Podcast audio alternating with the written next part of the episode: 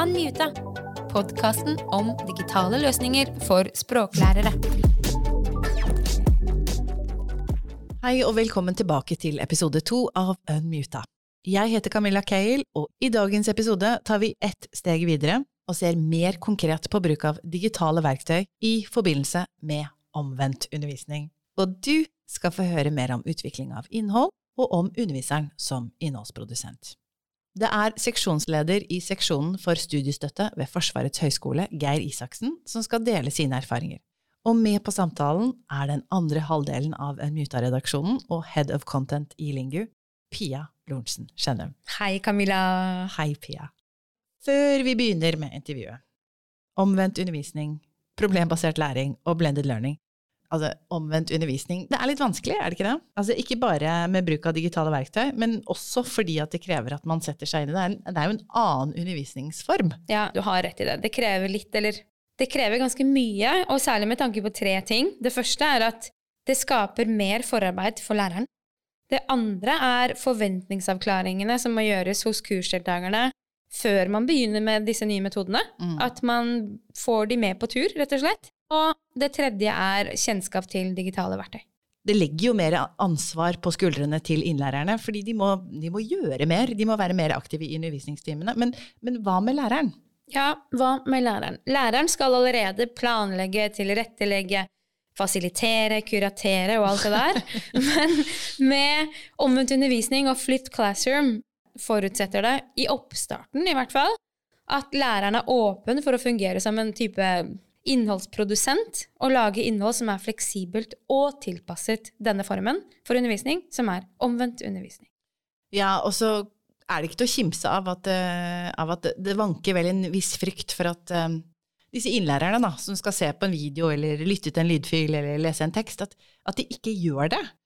Og det gjør kanskje at det er flere lærere som, som har prøvd seg kanskje et par ganger på Flipped Classroom, men som etter hvert gir opp, da, for de syns det er enklere å gå tilbake til mer tradisjonelle undervisningsmetoder, rett og slett fordi det er mer forutsigbart. Ja, og jeg kjenner meg igjen, og jeg vet at eh, mange av våre kollegaer i Lingio også kjenner seg igjen i ja. det.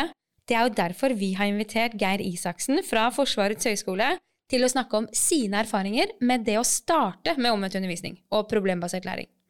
Han skal også fortelle oss hvordan de tre siste årene har bidratt til at flere og flere undervisere ved Forsvarets høgskole har lært å produsere helt eget innhold i forbindelse med det å flippe undervisningen. Og da har vi jo stilt han eh, en del innfløkte og relaterbare spørsmål. Om vi har, det har vi. Så da, da får vi bare ønske Geir velkommen til studio. Velkommen, Geir Isaksen. Det vi har lyst til å snakke med deg om, er hvordan Forsvaret praktiserer sin digitale undervisning, og hvordan dere bruker flipped classroom, problembasert læring og blended learning i den digitale undervisningen. Så aller, aller først, Geir, kan du fortelle litt om hvordan du fant veien til digitalundervisningen? Det kan jeg gjerne gjøre, og først og fremst tusen takk for invitasjonen. Det er veldig hyggelig å bli invitert. Eh, moro å kunne prate om noe som jeg i utgangspunktet er veldig interessert i. Da. Veien inn til digital opplæring og pedagogikk var litt rar, fordi jeg er jo sjøoffiser i marinen og jobba i mange år på ubåt. Og den siste jobben jeg hadde der, var å være hovedinstruktør i en simulator. Da begynte jeg å nærme meg litt dette med pedagogikk. For det å drive med voksenpedagogikk i en simulator er jo viktig å ha kunnskap om. Så da måtte jeg utdanne meg litt innenfor det. Og så eh, ville familien og kona, og alle ble enige om at nå måtte vi hjem til Østfold. Og da endte det opp at jeg begynte å jobbe på Forsvarshøgskole. Og fikk ansvaret for, i den spede begynnelsen i 2002, å jobbe med digital opplæring. Og I den forbindelsen så har jeg egentlig omskolert meg fra å være elektroingeniør til å være pedagog, og jobbe med digitale undervisningsmetoder og produksjon av digitalt innhold. Da antar vi at høyskolen var svært godt utrustet til å møte pandemiens utfordringer på en god måte? Ja og nei. Vi hadde en teknologisk infrastruktur. Vi hadde et LMS, og alle ansatte hadde en PC så kom seg på nett. Studentene også. Så det gikk veldig fint. Når vi alle ble sendt hjem, så kom vi oss på nett. Men vi hadde ikke altfor mye læringsinnhold. Så når alt måtte foregå på nett, så ble det fort til at man fortsatte tradisjonell undervisning på nett, dvs. Si liveundervisning på Teams. Istedenfor at man hadde tilgjengelige videoleksjoner og sånne ting, og kunne flippe det allerede da. Begynte dere da underveis i pandemien å produsere innhold i tillegg til undervisningen, eller hvordan, hvordan gjorde dere det? Ja, det gjorde vi. Den seksjonen som jeg er ansvarlig for, har vi jo kompetanse både med vårt eget videostudio, men også kompetanse på at man kan produsere digitalt innhold selv, som lærer. Man har verktøy på eh, PC-en sin. Og da gjaldt det å være der til stede for lærerne som ønsket å gjøre det, og lære dem opp og støtte dem i den prosessen. For alle de lærerne som hadde vært skeptiske i utgangspunktet, som ikke så langt hadde vært villige til å prøve det, ble jo i 20, da, 2020 tvunget til å prøve det ut. Så på mange måter så Av alt det negative som pandemien medførte, så var det én positiv ting, eh, og det var at alle ble tvunget til å lære seg de tekniske systemene vi hadde på skolen. For kunne produsere innhold selv. Så det var en, sånn, en liten positiv effekt ut fra det. da nå kan alle Teams på Forsvarshøgskolen. det høres ut som dere har vært gjennom, eh, eller at vi har vært gjennom mye av det samme. Da er jeg veldig interessert i å høre hva du tenker om begrepene flipped classroom problembasert læring. Vi tar terminologien litt først. Hva er flipped classroom? Hva er problembasert læring? Hva er blended learning? La oss rydde litt opp i terminologien, sånn at vi alle blir med på reisen videre. Ja, da prøver vi på det. Jeg tenker blandet læring eller blended learning er kanskje det letteste. Det er, man har et undervisningsopplegg eller et emne eller et tema, og så bruker man forskjellige typer undervisningsmetoder for å gjennomføre det, det emnet eller det studiet. Og Det kan være at man bruker forskjellige ressurstyper. Det kan være en bok, det kan være en, en videoleksjon. Eh, man kan bruke forskjellige undervisningsmetoder. Det kan være, video, eh, det kan være si, samarbeidsmøter på nett. Det kan være en simulator. Det kan være gruppearbeid. Det kan være klasseromsundervisning. Så det er en blanding av metoder og digitale ressurser, eller læringsressurser. Da. Så Det er rett og slett det som ordet sier.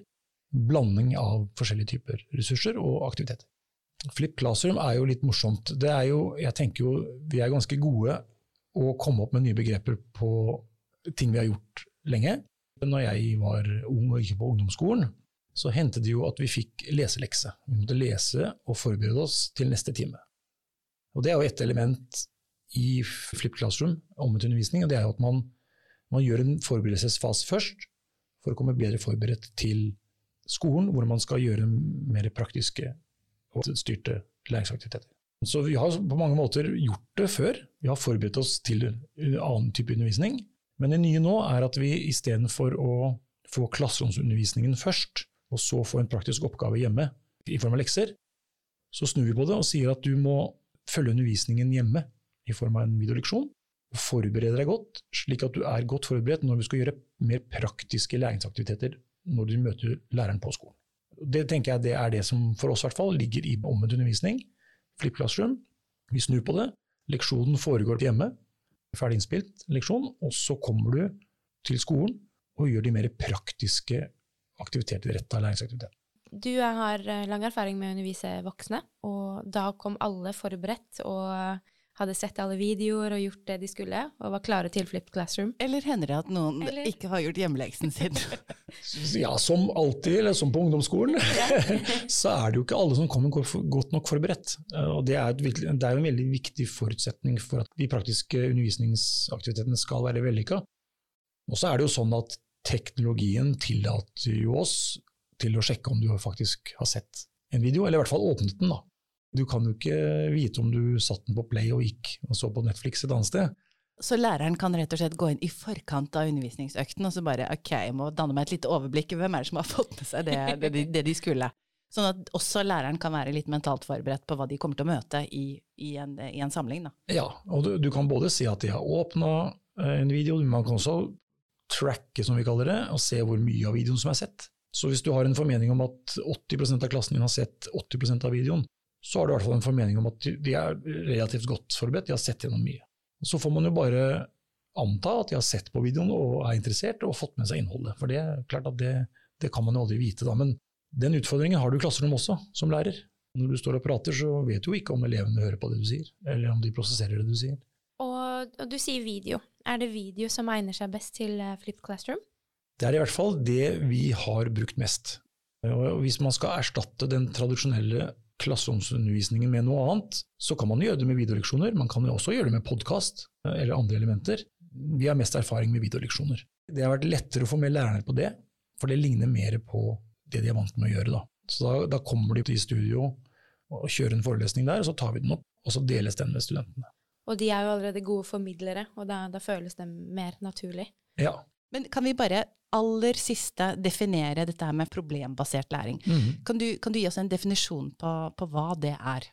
Ja, definisjonen vi i hvert fall jobber med å ha brukt, er jo at du gjennom eh, studiene dine, så jobber du enten individuelt eller i grupper med en profesjonsnær problemstilling. Så du får en eller annen problemstilling som er relatert til det du skal jobbe som, helst, og så løser du på egen hånd eller i grupper fram til et svar på det problemet. Om det, om det er lederskap, eller om det er eh, lover og regler, jeg vet at uh, medisinstudier har brukt det i mange år. Man, uh, har en bror som, som er utdanna i Australia som lege, som var i hovedsak bare problembasert. I en sånn type form at man på mandag så får man beskjed om den uken skal dere finne ut alt om hvilke sykdommer hjertet kan få, og hvordan vi helbreder det. Ses på fredag. Og det er sånn at Da må de finne ut dette selv, gjennom pensum, gjennom å se på andre typer ressurser, diskutere, snakke med lærere. Teorien er da at man får en dypere forståelse for og en dypere kunnskap om det temaet, fordi at man jobber med det på egen hånd. Er det ikke veldig slitsomt for kursdeltakere eller studenter å måtte løse problemer til enhver tid? Altså, hvordan skal man tenke problembasert læring? Ja, altså Vi har jo gått inn i de prosjektene vi har kjørt med sånn problembasert fokus, med den eh, si, forventningen og forståelsen av at problembasert læring gir dypere læring Gir bedre læring for studentene. Og så har vi jo underveis opplevd det selv, men også uh, gjennom å lese andre typer prosjekter og forskningsartikler, at det er jo også noe som heter problembasert fatigue. At hvis man kjører et langt kurs med bare kun problembasert, så blir studentene slitne. For som du er inne på, det er mer slitsomt å gjøre den jobben selv, mye mer jobb, samtidig som det gir en dypere læring. De prosjektene vi har kjørt, viser også det at tilbakemelding fra sensorer og man ser det på karakterene, er at dette gir et bedre resultat, men at det er mer slitsomt. Du skal jo operere i en gruppe fremfor å være et individ. Og vi er jo veldig, i hvert fall vi som er voksne, er jo veldig kjørt inn på sånn du er herre over din egen eh, læringssituasjon, det er jo du som presterer, det er du som leverer, men plutselig så opererer du i en gruppe, i en konstellasjon hvor du er én brikke av mange. Og det kan jo også være utfordrende eller? Absolutt, den gruppesammensetningen er svært viktig. Eh, vi har et eksempel på at vi har hatt dysfunksjonelle grupper som ikke fungerer så bra, hvor de egentlig jobber hver for seg istedenfor sammen. Så Det må man være veldig oppmerksom på. En annen ting er jo at det som er fint med voksne i forhold til problembasert læring, er at de fleste voksne har jo veldig mye erfaring innenfor profesjonen sin. Som også er en bra forutsetning for at PBL skal lykkes, det er at de har mye erfaring de kan bruke. Og de kommer kanskje fra forskjellig ståsted også, innenfor samme, den samme profesjonen. Så de lærer av hverandre og har forskjellige perspektiver når de jobber med det problemet. Så det viser også vår erfaring at i de områdene hvor studentene har mye erfaring, så er det mer vellykka å bruke problembasert læring enn hvis de er helt nye. Eksempler fra det prosjektet vi kjørte i 2019 på høyskolen, det var et emne i master i militære studier som omhandlet militært lederskap. Det faget er todelt. Det ene er militær ledelse, og det andre er styring, altså mer sånn eh, økonomistyring, disse forvaltningssystemene.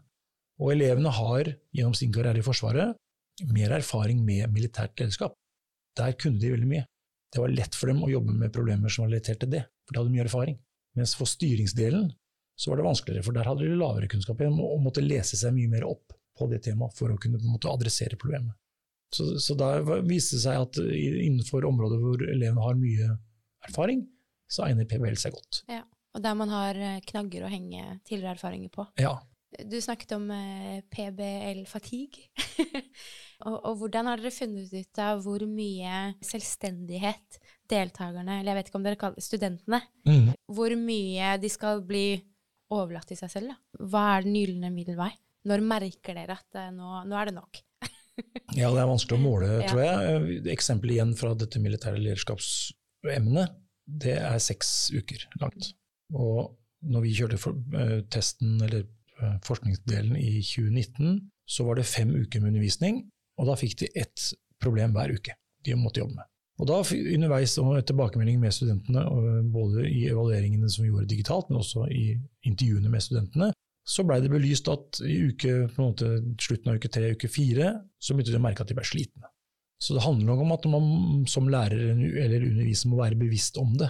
Og kanskje Man må rett og slett bare variere. Etter to uker med, eller tre uker med problembasert, kanskje én eller to uker pause med noe annet. Og så kan man gå igjen. Det spørs hvor langt det er, da. Jeg har ikke noe sånn fasitsvar på hvor mange prosent, liksom, men, men, man må bare være bevisst på at man må være varsom, og ikke kjøre det for lenge. Og vi, og vi sier jo problembasert læring, men det kan jo fort være en, en profesjonsnær oppgavetype. Så kaller man det et problem, da, men det, det, at de løser en oppgave som er profesjonsnær, da, kan jo være en slags problemstilling som er fin å løse, jobbe med. Da. Ja, og, det, og, hvis man ser relevansen i det som mm. voksen, så, så, blir man jo ofte med på, på tur. Mm. At det sekundet man blir forklart for hvorfor man gjør noe, så blir man ofte med. Jeg vet ikke hvordan det var med dere, men eh, det var ikke alltid like motiverende på ungdomsskolen hvis man ikke skjønte hvorfor man skulle lære alt dette matte og naturfag og alt dette greiene her. Det, var, det ble litt bedre når man ble eldre og skjønte faktisk hva man skulle bruke det til. Da. Det er veldig mange, særlig for f.eks. Lingu, da, som, som leverer eh, kurs som studenter betaler for. Mm. Eh, og som de, altså studentene kommer med en, en, viss forventning til hva læreren skal være, basert på sine egne erfaringer. Og jeg tror mange av eh, våre pedagoger i Lingu syns det er vanskelig med flipped classroom og med den tilnærmingen der rett og slett fordi at det ofte er i kollisjon med hva studentene forventer seg at de skal gjøre gjennom, da, hvor læreren skal ha den rollen og skal ha den autoriteten som, som er litt sånn old school. Da. Jeg tror det er for mange eh, en slags terskel til det å nærme seg eh, problembasert læring og flipped classroom i den kombinasjonen. At, at man overlater for mye til, eh, til studentene. Da. Ja, altså, nå er du inne på også et annet tema som er veldig viktig. Er, da er vi inne på dette med utformingen av læringsressurser det vi har prøvd å få til når vi skal produsere videoleksjoner basert på PowerPoint f.eks., eller uansett. da. Dette gjelder også i klasserommet, og spesielt for voksne. og det er Hvis du kan fortelle hvorfor dette er relevant, what's in it for me? Hvorfor skal jeg sitte og høre på det du sier? Har jeg bruk for dette når jeg skal ut og jobbe? Har jeg bruk for dette når jeg er ferdig her? Hvorfor skal jeg lytte til dette? Og det handler mye om motivasjon, da. Hvis du, er, hvis du forstår denne linken, så er du automatisk mer eh, motivert for å følge med, for du skjønner at dette er relevant for meg. Jeg kommer til å gjøre en bedre jobb. Lettere for meg å gjøre en bedre jobb hvis jeg kan dette. Så vi prøver å få det med i alle sånne undervisningssituasjoner. Da. Fortell studentene hvorfor er dette viktig. Du nevnte at kursløpene, eller dette lederdelen og Ja, det emnet i militært lederskap. Ja, At det var seks uker og seks uker? Det var seks uker til sammen. Ja, mm. Og det er jo et ganske kort uh, kursløp. Mm. Uh, ligner litt på de kursene vi har det er jo tøft å starte med en ny metodikk ikke alle kjenner igjen på et så kort tid. Jeg har ofte tenkt at flipped classroom fungerer kanskje bedre i tradisjonelle klasser hvor man, eh, hvor man, har et år, eller hvor man har flere år sammen, og man blir kjent med metodikken, man har skapt tillitsforholdet, og man, man vet hvorfor man gjør ting. Men seks uker, eller tre, tre uker, seks uker, er, er kort tid hvor mye tid bruker man på onboarding eller å forklare på denne måten jobber vi her, dere kommer til å bli presentert uh, av og til nye videoer som dere skal se på hjemme, og så diskuterer vi det sammen i plenum osv. Må man bruke lang tid på å selge inn denne nye, nye ikke nye metodikken for alle, men for noen? Mm. Ja, I 2019 så brukte vi litt tid på det. Vi gikk gjennom med studentene, hvor, for da hadde vi hatt noen emner foregående som var tradisjonell undervisning. Uh, hvor de sitter i klasserommet få leksjoner, lese pensum, eksamen. Og gruppearbeid, da, i all hovedsak. Så da brukte vi litt tid på å forklare hva vi skulle gjøre, hva hensikten var, altså dette med dypere læring. Eh, og at de skulle, istedenfor å sitte i klasserommet og bli undervist, eh, så var det viktig at de, de brukte leksjonene som en ressurs, samme som pensum. Så at de hadde nok grunnlag og kunnskap til å diskutere og løse problemene i grupper.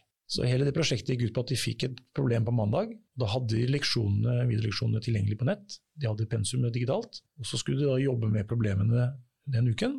Presenterte sine funn på onsdag, fikk tilbakemeldinger fra læreren og leverte sitt endelige produkt på torsdag ettermiddag. Og fikk en, den godkjent, da, eller ikke godkjent, og tilbakemelding av læreren. Og Da hadde de et svar på det problemet. Og alle gruppene hadde jo forskjellig tilnærming, så alle svarene ble lastet opp på LMS-et, så det var tilgjengelig for alle gruppene. Og så visste de også at eh, etter de fem ukene, den sjette uka, da var det muntlig eksamen. Da ville de trekke én av de fem problemene de hadde jobbet med. Og Der ligger det, tenkte vi da, der ligger det en motivasjon i seg selv. De har fått fem profesjonsnære problemer de jobber med, og de vet at én av de får de på eksamen. Og det, det, fungerte veldig bra. Men vi, som sagt, vi brukte litt tid på å forklare hvorfor vi gjorde det sånn. Eh, og målte både hvor positive det var, eller slash negative, til det. Og da viste det seg at de som hadde erfaring med PBL fra før, var mer positive selvfølgelig enn, enn de som ikke hadde prøvd det. Eh, og det lå det en liten trygghet i, da, for de som hadde prøvd det før, var positive. Og det, og det var jo bra å vite. Det hadde vært håpløst hvis vi var motsatt, at alle som hadde gjort det før, syntes det var håpløst. Ja, ja. Da, men da begynte dere ofte i gruppetilnærming, da, og så jobbet de individuelt i noen perioder senere i kursløpet? I, det, I, dette kurset så var det bare, eh, det var bare grupper. Ja. Mm. Så var det bare eksamen som var individuell. Ja. Ja, altså alle gruppene fikk den samme problemstillingen hver uke, men så rullerte de i gruppene av å på en måte skrive ut oppgaven og levere det i LMS-et vårt. Så internt i gruppene så rullerte rollen, mens oppgavene var lik hver uke. Gruppedynamikken i seg selv varierte. Ett problem var det kanskje noen som hadde mer erfaring med, og mye erfaring med. Og det neste problemet var kanskje noe annet. Og Gruppene var litt sånn forskjellig sammensatt. Fra, de var jo fra forskjellige forsvarsgrener i Forsvaret, altså luft, og hær og sjø. Det var sivile, og noen grupper hadde utenlandske studenter. Så da var det litt sånn variasjon i hvem som hadde mest erfaring innenfor det temaet. Da. Så prøvde jo uh, han som var emneansvarlig, å, å, lage problemer som var litt forskjellige fra uke til uke. Da. Det var kjernen i det at det skulle være problembasert.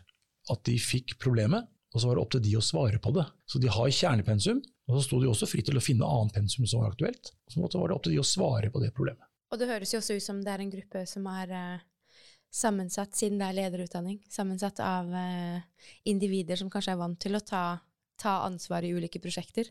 Ja, det er det nok. Kanskje som i hvert fall Den grunnutdanningen i Forsvaret som offiser er jo ofte dette med De har jo erfaring og utdanning innenfor lederskap, og de er jo trena i å ta avgjørelser og ta initiativ. Så, så det, det, jo, det, tror jeg er kanskje en styrke for denne gruppen. Eh, men samtidig så syns de også det er, de synes også det at det er vanskelig. At, det, å, det, å, sitte i klasserommet og høre på en undervisning er jo i gåsehudene lettere, for du er jo mer passiv. Det er ikke du som gjør jobben, egentlig. det er jo læreren som står og forteller deg, og så skal du notere og ta det til deg. Det er jo mye mer slitsomt når du må gjøre all den jobben sjøl. ja, ja, ja. Eh, men det, og det kan jeg si fra egen erfaring også, gjennom den undervisningen jeg har vært igjennom, at jeg føler jo sjøl at jeg har lært mer enn når jeg må finne ut av mer ting sjøl. Eh, det er mer slitsomt og det er litt mer ork, men det sitter bedre. Og det er litt rart, egentlig, men det er i hvert fall vår erfaring. Uavhengig av alder så vil de fleste ha tradisjonell undervisning. De vil gjerne ha klasseundervisning. Det tror jeg da, handler mye om at for det første er det det vi er vant med. Det er trygt, og så er det lettere. Det er lettere å være klasseromsstudent få undervisning. Altså, en klasseromsundervisning kan jo være fantastisk, den. Den kan være veldig lærerik. Men den er mindre slitsom enn at du skal finne alle svarene sjøl. Og vi har også data som indikerer det, at det gir dypere læring å utfordre studentene med å gjøre, finne ut av det, finne det sjøl. Eh, for de, de, klarer det, vet du. De finner ut av det. Jeg hadde jo et annet, Hvis jeg kan kort fortelle om et annet prosjekt, eller prosjekt og prosjekt. Prosjektet var jo pandemi, egentlig. Men i 2020, når alle ble sendt hjem, så hadde vi et, et, emne på første året på vår bachelorutdanning som i praksis ble heldigitalisert. For de var jo sendt hjem alle sammen. De satt jo i grupperom alene, og lærerne var hjemme.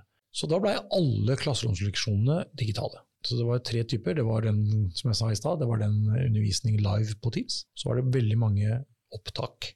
Noen var klasseromsopptak, gamle. Noen var videoleksjoner produsert i studio, og noen var produsert av lærerne hjemme. Det var kun det de hadde til å forberede seg med, og jobbe i grupper. Og Da hadde du på en måte ikke noe valg, da var alt digitalt.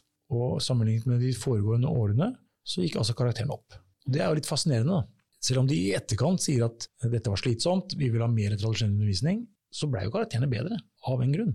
Selv om alt var digitalt, selv om de måtte jobbe mer i grupper, så viste det seg at, at karakterene forbedret seg. Og det, det, er jo veldig interessant. Da. Så det er jo, det er jo sånn, et element av at det må, det må en slags investeringstid til i den ideelle verden så får læreren tid til å lage superbra leksjoner som er veldig motiverende å se på, som dekker alt, som elevene elsker. Når, når det er på plass, så kan elevene kose seg med det, og så kan de komme til klasserommet med læreren og, og ha praktiske øvelser, eller diskutere, eller gjøre noe annet. Da tror jeg det, det har sjanse for å lykkes bra. Og så vi helt, er vi ikke helt der, for vi har veldig stor variasjon i kvaliteten på videoreduksjoner i dag. Vi har jo starta med at de mer skeptiske lærerne sier ja, ok, greit, dere kan komme og filme meg i klasserommet. Det er, det er liksom der vi starter. Ja, og da er det hele økten. Da er det fra hei til Eller 45 minutter eller 90 Ja, Ja. Og du får med alle elevene som reiser seg opp og Uten går at på do. Og, klippes og ja, Ja. ja, ja, dårlig, dårlig lyd og alt mulig sånt. Eh, og det, det har vi jo gjort. Eh, og det fine med det er at når, når de fleste lærerne ser det, så innser de jo at dette fungerer jo. ja, det er jo en fin måte å lære det på, da. Ja. Ok, vi gjør det sånn som du Viktig sier. erfaring. Og så skal jeg bare vise deg at det ble litt langt. Ja. Da dropper Ja. vi det, liksom. Ja, ja. Og da har vi ofte klart å lure de inn i studio en tur, og så sier jeg ok, jeg, da tar- kjører jeg det samme opplegget i studio, og så blir det et opptak på 45 minutter. Og så ser man på det og sier ja, det var kanskje litt langt. Og så har vi kanskje fått de videre med på at vi bearbeider og forbereder oss litt, har et manus, så er vi nede i 20 minutter. Og det er jo interessant, da. I de tilfellene hvor vi har fått læreren til å på en måte gå gjennom og være helt nøyaktig på hva du skal si i forhold til hva som er læringsutbytte, så har vi stort sett gått fra 45 til 20 minutter innenfor en standard undervisningstime. Da. Og da er vi inne på kanskje på en, en, en tidsaspekt som er mer motiverende å, å jobbe med. Da. Samtidig så er det ikke lengden, har vi funnet ut. Da. Og, og igjen så er det det prosjektet i 2020 med disse studentene som ikke hadde noe valg. Der var det en veldig variasjon i lengdene på, på videoene fra 15 minutter helt opp til 50 minutter. I studio, eller en kombinasjon av ulike formater? Eller Det var i hovedsak studio. Ja. Og det, det jo ikke alltid at det hadde vært tid til å forberede seg godt nok, så det var egentlig sånn opptak i studio. Det opplegget jeg har, blei 50 minutter.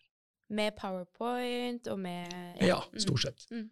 Men det var ikke noe helt klar sammenheng mellom hvilke leksjoner som ble best likt, og lengden. Det var en ting som var enda mer viktigere, og det var hvor engasjert læreren var.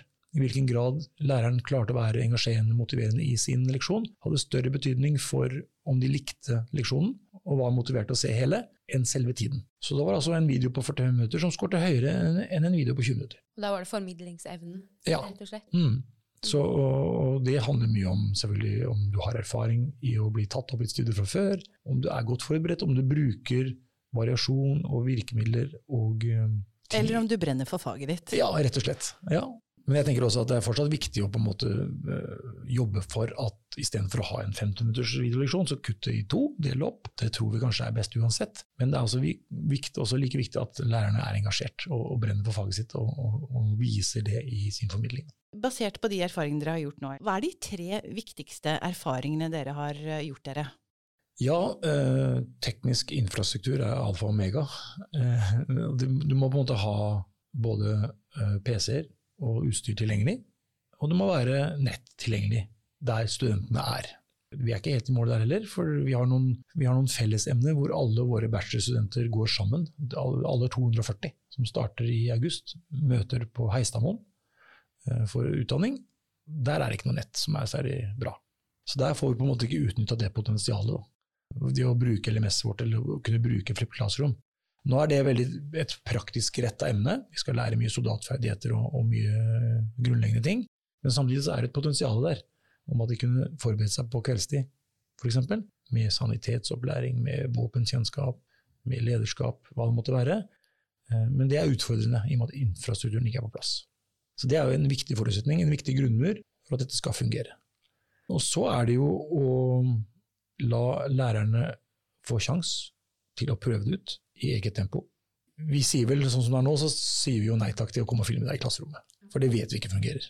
Vi har masse eksempler vi kan vise fram. Men, men å la det komme i studio og prøve det ut, eh, i forsiktig, ta forsiktige steg der, det har vi god erfaring med. Og litt mer sånn Vi sier med heller ja og nei, og så prøver vi ut først, og så ser vi hvordan det går. Og så er vi med på reisen hvor de finner eh, gjennom erfaring, ofte selv ser hva de kan gjøre for å forbedre eh, produktet sitt, da, eller leksjonen sin. Og så er det å prøve å jobbe for at emnet vi har, faktisk er blandet, har blandet læring. Og det er ikke sånn at vi predikerer jo ikke at alt skal være digitalt. Det er jo kombinasjonen som er viktig her.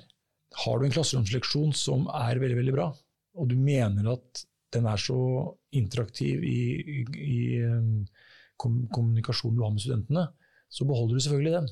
Men kanskje du kan ta deler av det, hvor, du har mye med monolog. Det, at det kan være en videoleksjon. Og så bruker du tiden når du har studentene i klasserommet, at du har en, den, mer den dialogen som er viktig. Vi har i hvert fall sett at i noen tilfeller så står jo faktisk læreren eller underviseren, og, og foredrar pensum. Og det er jo litt mot, altså mot hensikten, for det, det, skal de jo forberede seg på. og lese på forhånd. Så du, du, skal egentlig ikke foredra pensum. Du skal egentlig da gå videre. Utfordre dem med spørsmål, utfordre dem med praktiske oppgaver. Og da er vi inne på en litt annen problemstilling, og det er jo at dere spurte om det tidligere her, ser de faktisk på leksjonene? Det er nok en litt sånn mistro kanskje om at de er ikke helt sikre på at studentene vil se leksjonen. Så for sikkerhets skyld så tar de med de også. Ja, For å få med seg alle. Ja. Eh, og, og da, da, da, går vinninga litt opp i spinninga. Da. Hvis du fortsatt må først skal du se en videoleksjon, og så uh, skal du foredra om det samme. Ja, TikTok-tiden går. Altså, man ja. har bare en begrenset mengde tid. Og, så, ja. Mm. og der har vi hatt ikke, jeg kaller det catch 22-situasjon, hvor vi har, har, spurt både elevene og, og, og lærerne ja, hvorfor ser ikke dere på videoleksjonene, spør vi studentene om. Ja, Det gidder vi jo ikke, for læreren foredrar jo om akkurat det samme i klasserommet. Og så spør vi læreren hvorfor gjør du det. Nei, det er for at de ser ikke videoleksjonene. Høna eller egg. ja. men, men har, dere, har, dere, noen erfaring med hvor læreren eller underviseren har bare gått eller, satt hardt mot hardt og nei, jeg skal ikke foredra pensum. Jeg skal gjøre akkurat det jeg har planlagt. Jeg skal, jeg skal basere hver økt på at noen, eller at deltakerne eller studentene har uh, forberedt seg. Og så har de kjørt det uke etter uke etter uke, og så plutselig så har studentene kommet Eller nytter ikke det? Nei, vi gjorde det i 2019 i det prosjektet for militær ledelse. Da var det ganske klare på det. Og så vet jeg at det er noen andre undervisere også som er ganske klare på det. Mm. Uh, om at jeg kommer ikke til å foredra pensum, jeg går et steg videre. Så det, det, er jo, som i all annen voksenopplæring og høyere utdanning, det er jo studentenes ansvar til å følge med. Og, og noen, få i hvert fall, som jeg har fått med meg, er klare på det. Så er det fortsatt noen tror jeg, som, som drar med seg litt av pensum, da, eh, for å være helt sikker på at alle er med. Ja, for det er jo sårbart, eller som lærer også, i de situasjonene. Hvis du sitter og, og du har en gruppe hvor uh, to har forberedt seg alltid, men så har du da 35 som sitter der og aldri har forberedt seg. Og da, hvilket valg tar man da?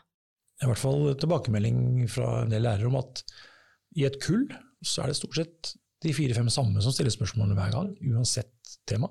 Eh, så det er litt forskjell på hvem som er engasjert, og kanskje hvem som er like flink til å forberede seg hver gang. Bør det være den underviseren eller læreren som har kurset, som lager videoen som vises til deltakerne, for å bygge relasjoner, for å, for å bygge tillit og for å, for å øke læringsverdien? Eller kan man bruke igjen gode videoer som er laget av tidligere lærere? Hvordan tar man disse valgene?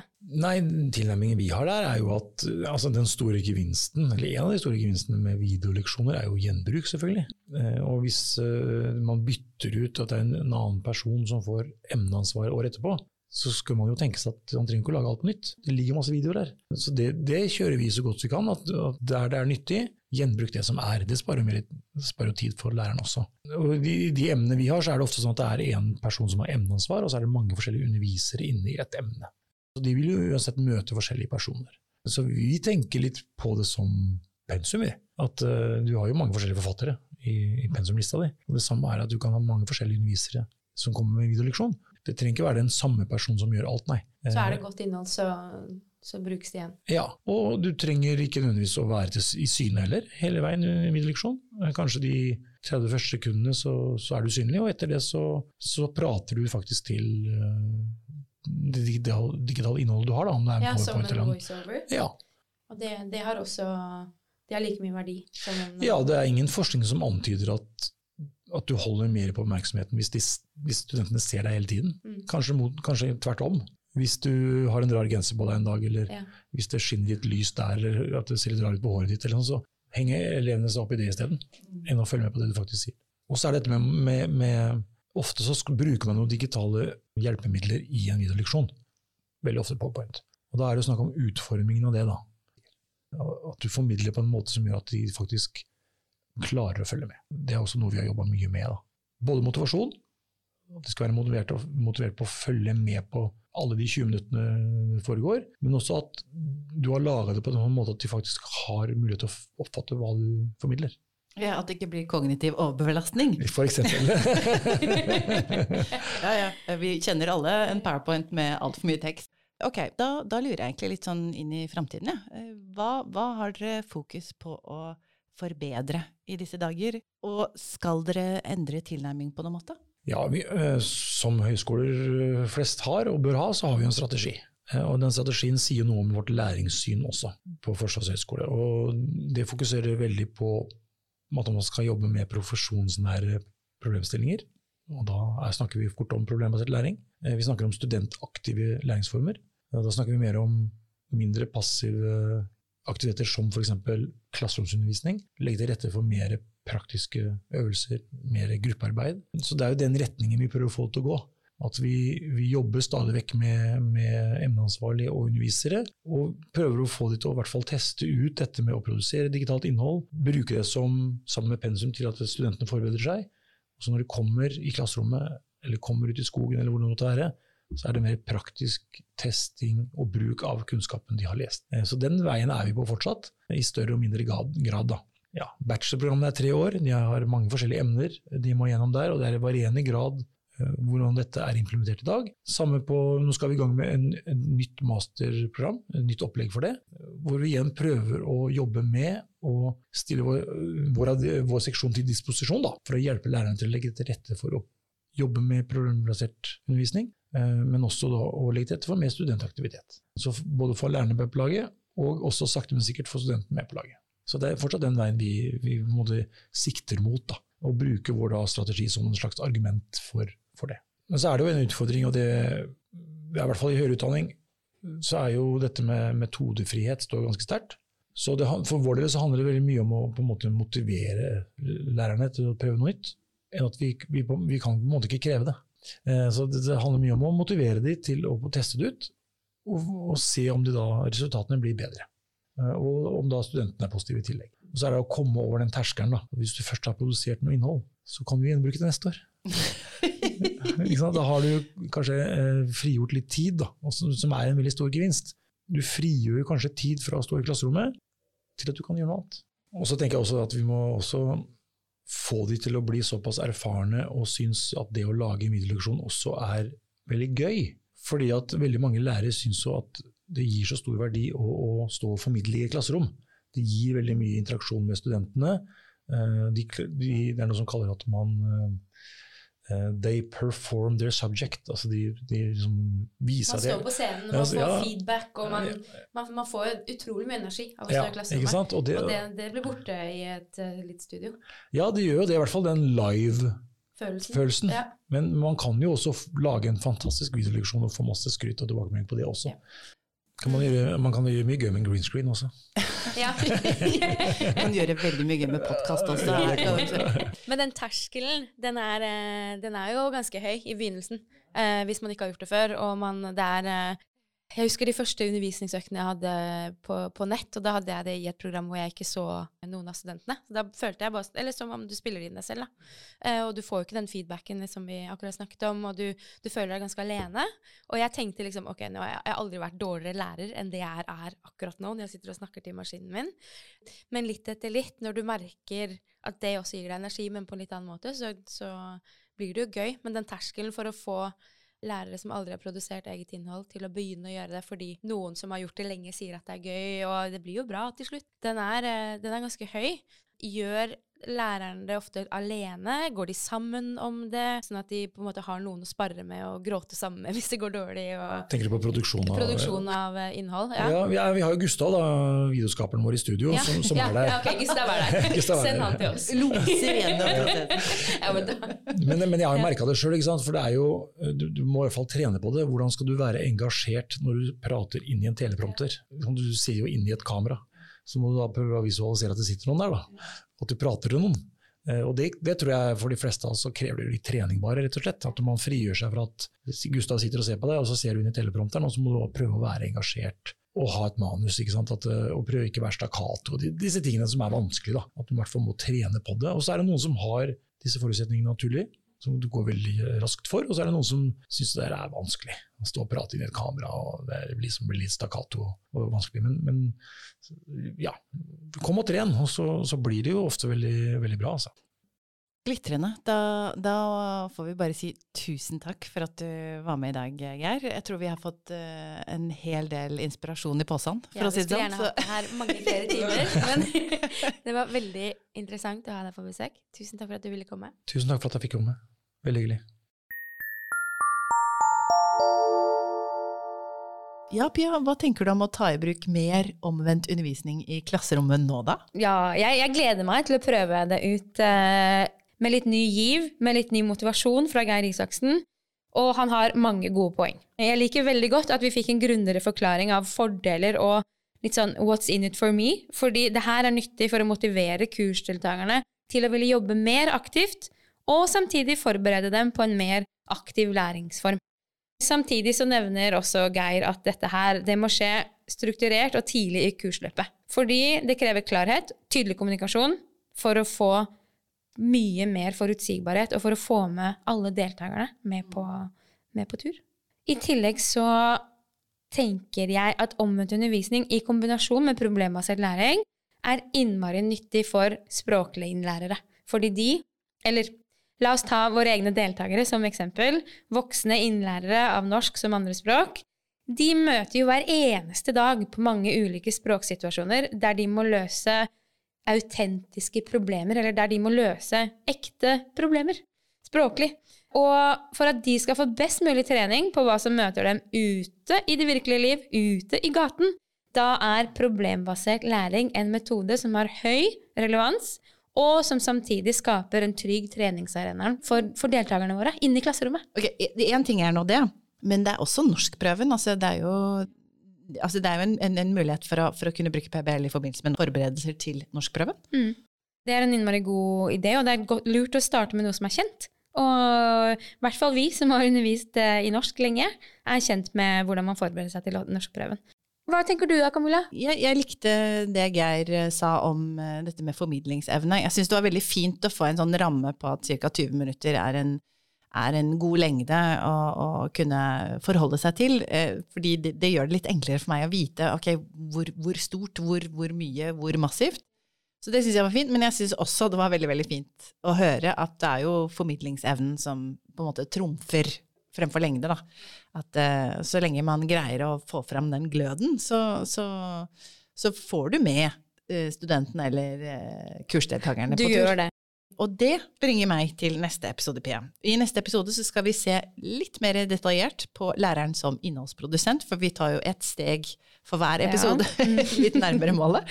Og i neste episode så skal vi se litt mer detaljert på læreren som innholdsprodusent. Men neste gang så er det altså fokus på samtaler fremfor undervisningsmonologer. Ja, for du har snakket med to lektorer fra NTNU som har laget noe så sjeldent som en podkast i kjemi. Ja, det stemmer. Eh, jeg snakket med produsentene bak podkasten Rosa begerglass, og de, de har mange verdifulle refleksjoner i forbindelse med å produsere eget innhold, og hvorfor innlærere eller studenter kan ha glede av å lytte til nettopp fagsamtaler. Så da er det bare å glede seg til neste episode. Jeg gleder meg. Takk for at du lyttet.